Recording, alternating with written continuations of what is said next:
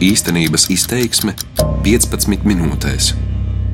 Reformācijas kustības 500. gada dienu šogad visvērienīgāk atzīmēs Vācijā, zemē, no kuras tāreiz sākās.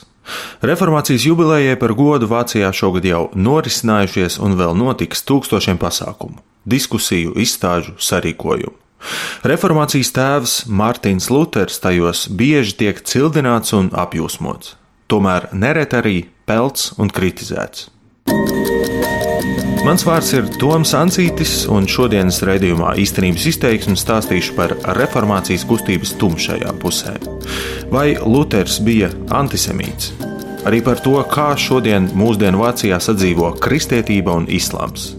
Reliģija, pret kuru savulaik tik asi vērsās Mārtiņš Luters.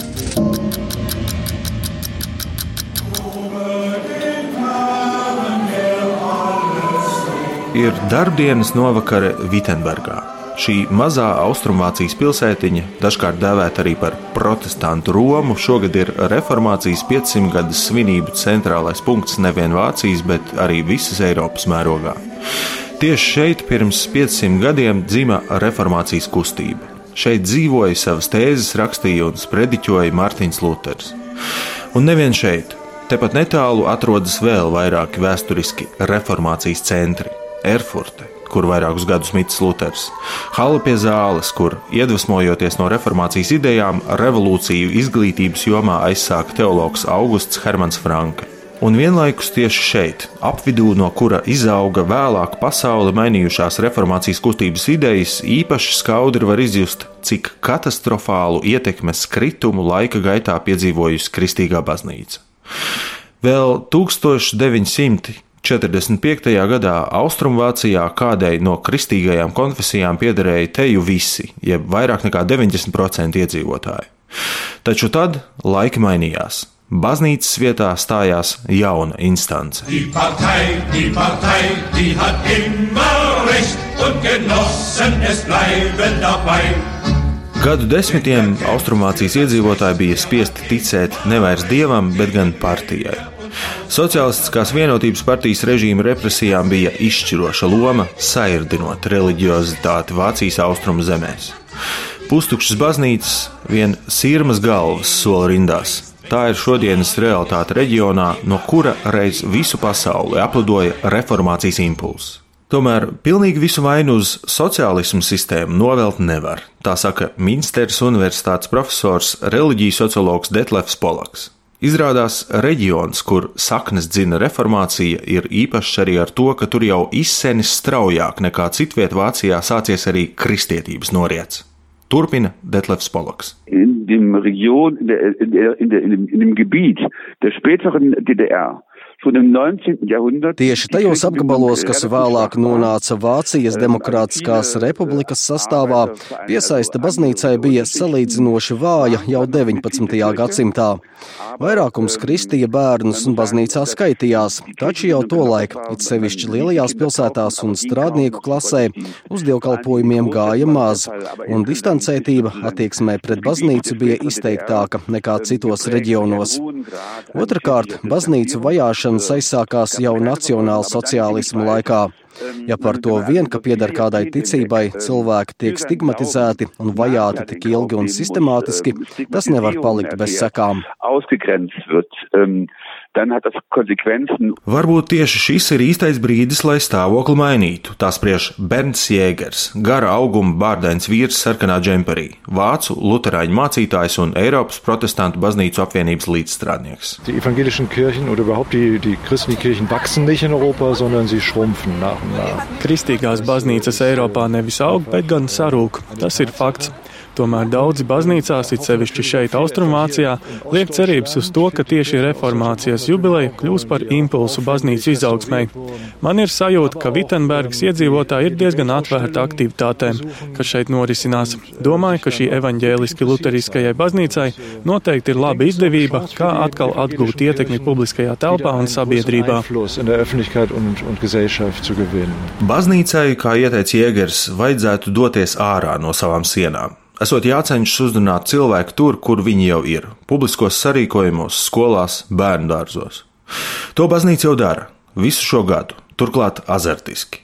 Jau notikuši un vēl notiks tūkstošiem reformācijas 500 gadē veltītu izstāžu, diskusiju, svinību visā Vācijā.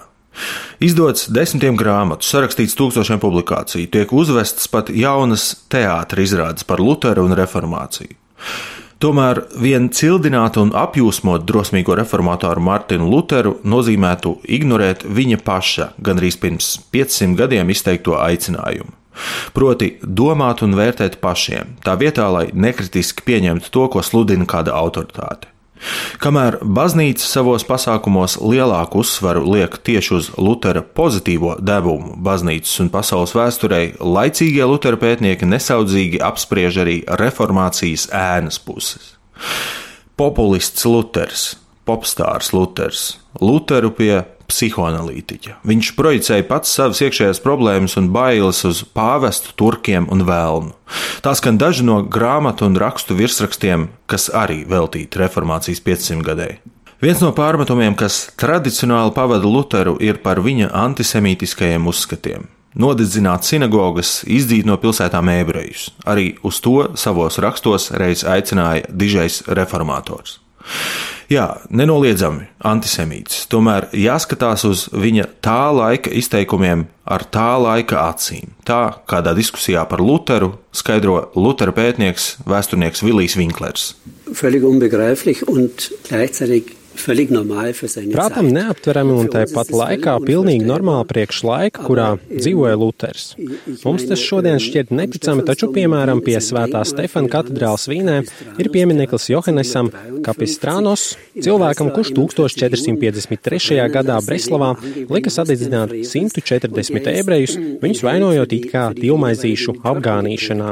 Viņš bija vīniešu varonis, jo sprediķoja pret turkiem. Ebreji Regensburgā dzīvoja ķeizara aizsardzībā, bet kad ķeizars Maksimiliāns 1519. gadā nomira, jau pēc sešām nedēļām Reigensburgieši bija nodedzinājuši sinagogus un padzinuši visus ebrejus. Šai ziņā Luters savā naidā pret ebrejiem nekādi neatšķiras no saviem laika biedriem. Vien šodien pēdējos 150 gadu laikā antisemītisms ir kļuvis par svarīgu tematu, jo vairs netiek atzīts par akceptējumu. Un jāteic, Luters tikpat kā nepazina ebrejus, jo viņi no visām vācu pilsētām bija padzīti.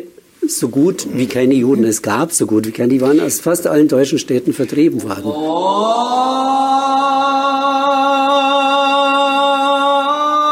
Ebreji nebija vienīgie, pret kuriem vērsās Mārtiņš Luters. Lai gan, kā apgalvo vēsturnieki, viņš pats nav pazīnis nevienu musulmani, tas Lutheram nebija šķērslis nosodīt islāma ticību. Islāmu Lutheram simbolizēja turki, no kuru iebrukumu 16. gadsimta sākumā baidījās Centrāla Eiropā. Taču mūža nogalē Luters ķērās pie Korāna tulkošanas. Tas gan nenozīmēja, ka viņa attieksme mainījusies. Kā tulkošanas nepieciešamību pamatoja pats Luters.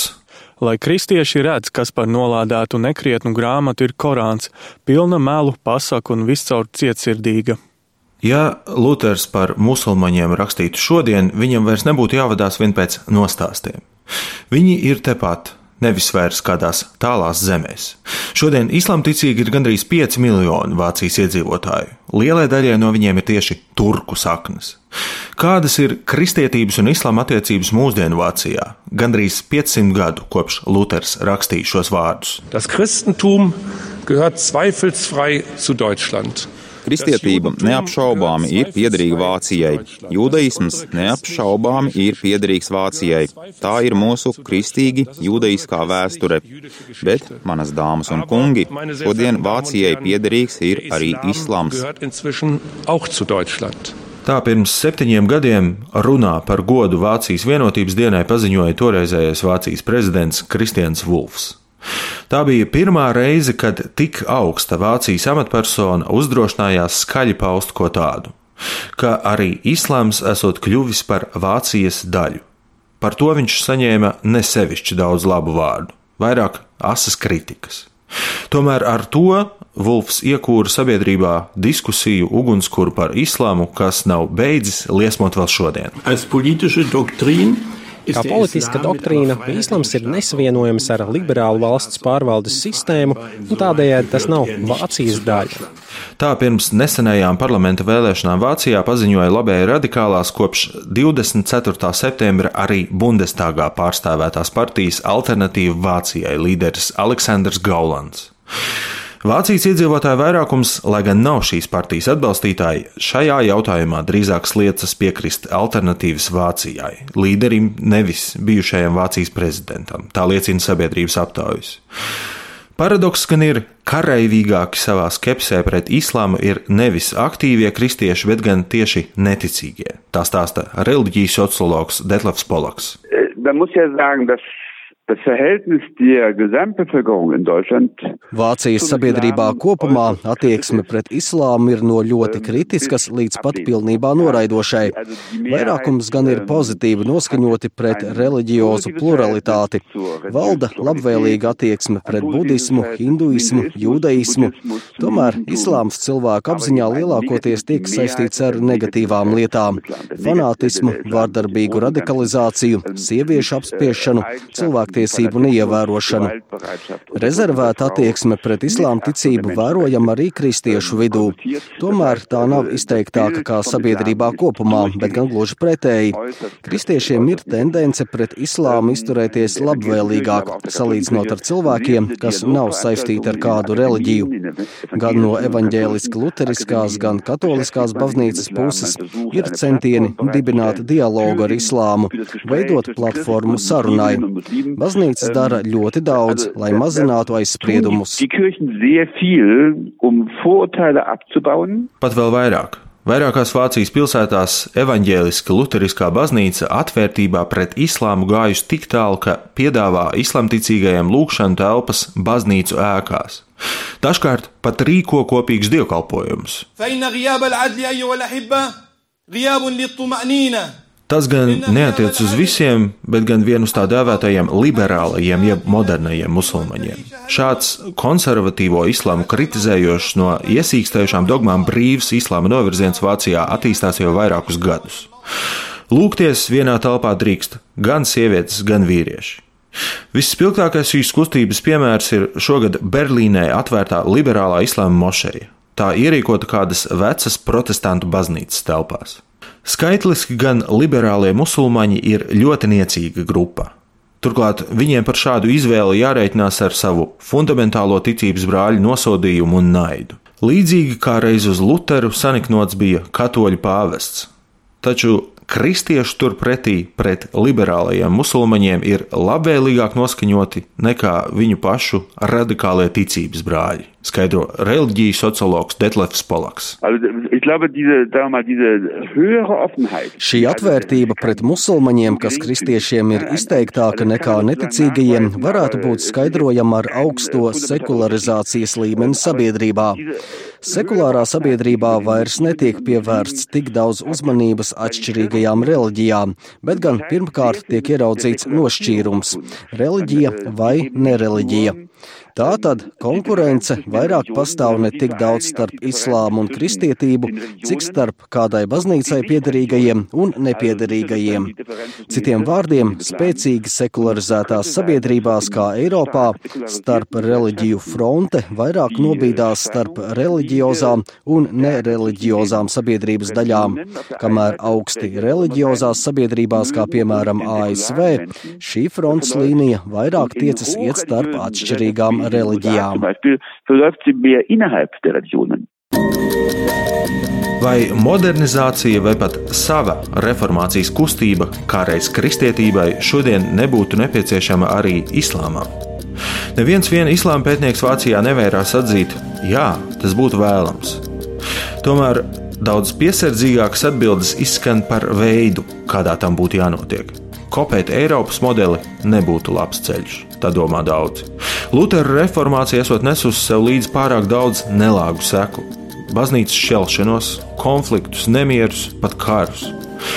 Islamam būtu jāatrod pašam savs, no Eiropas parauga atšķirīgs modernizācijas ceļš. Darbības vārds īstenības izteiksmē izsaka darbību kā realitāti tagadnē, pagātnē vai nākotnē, vai arī to noliedz.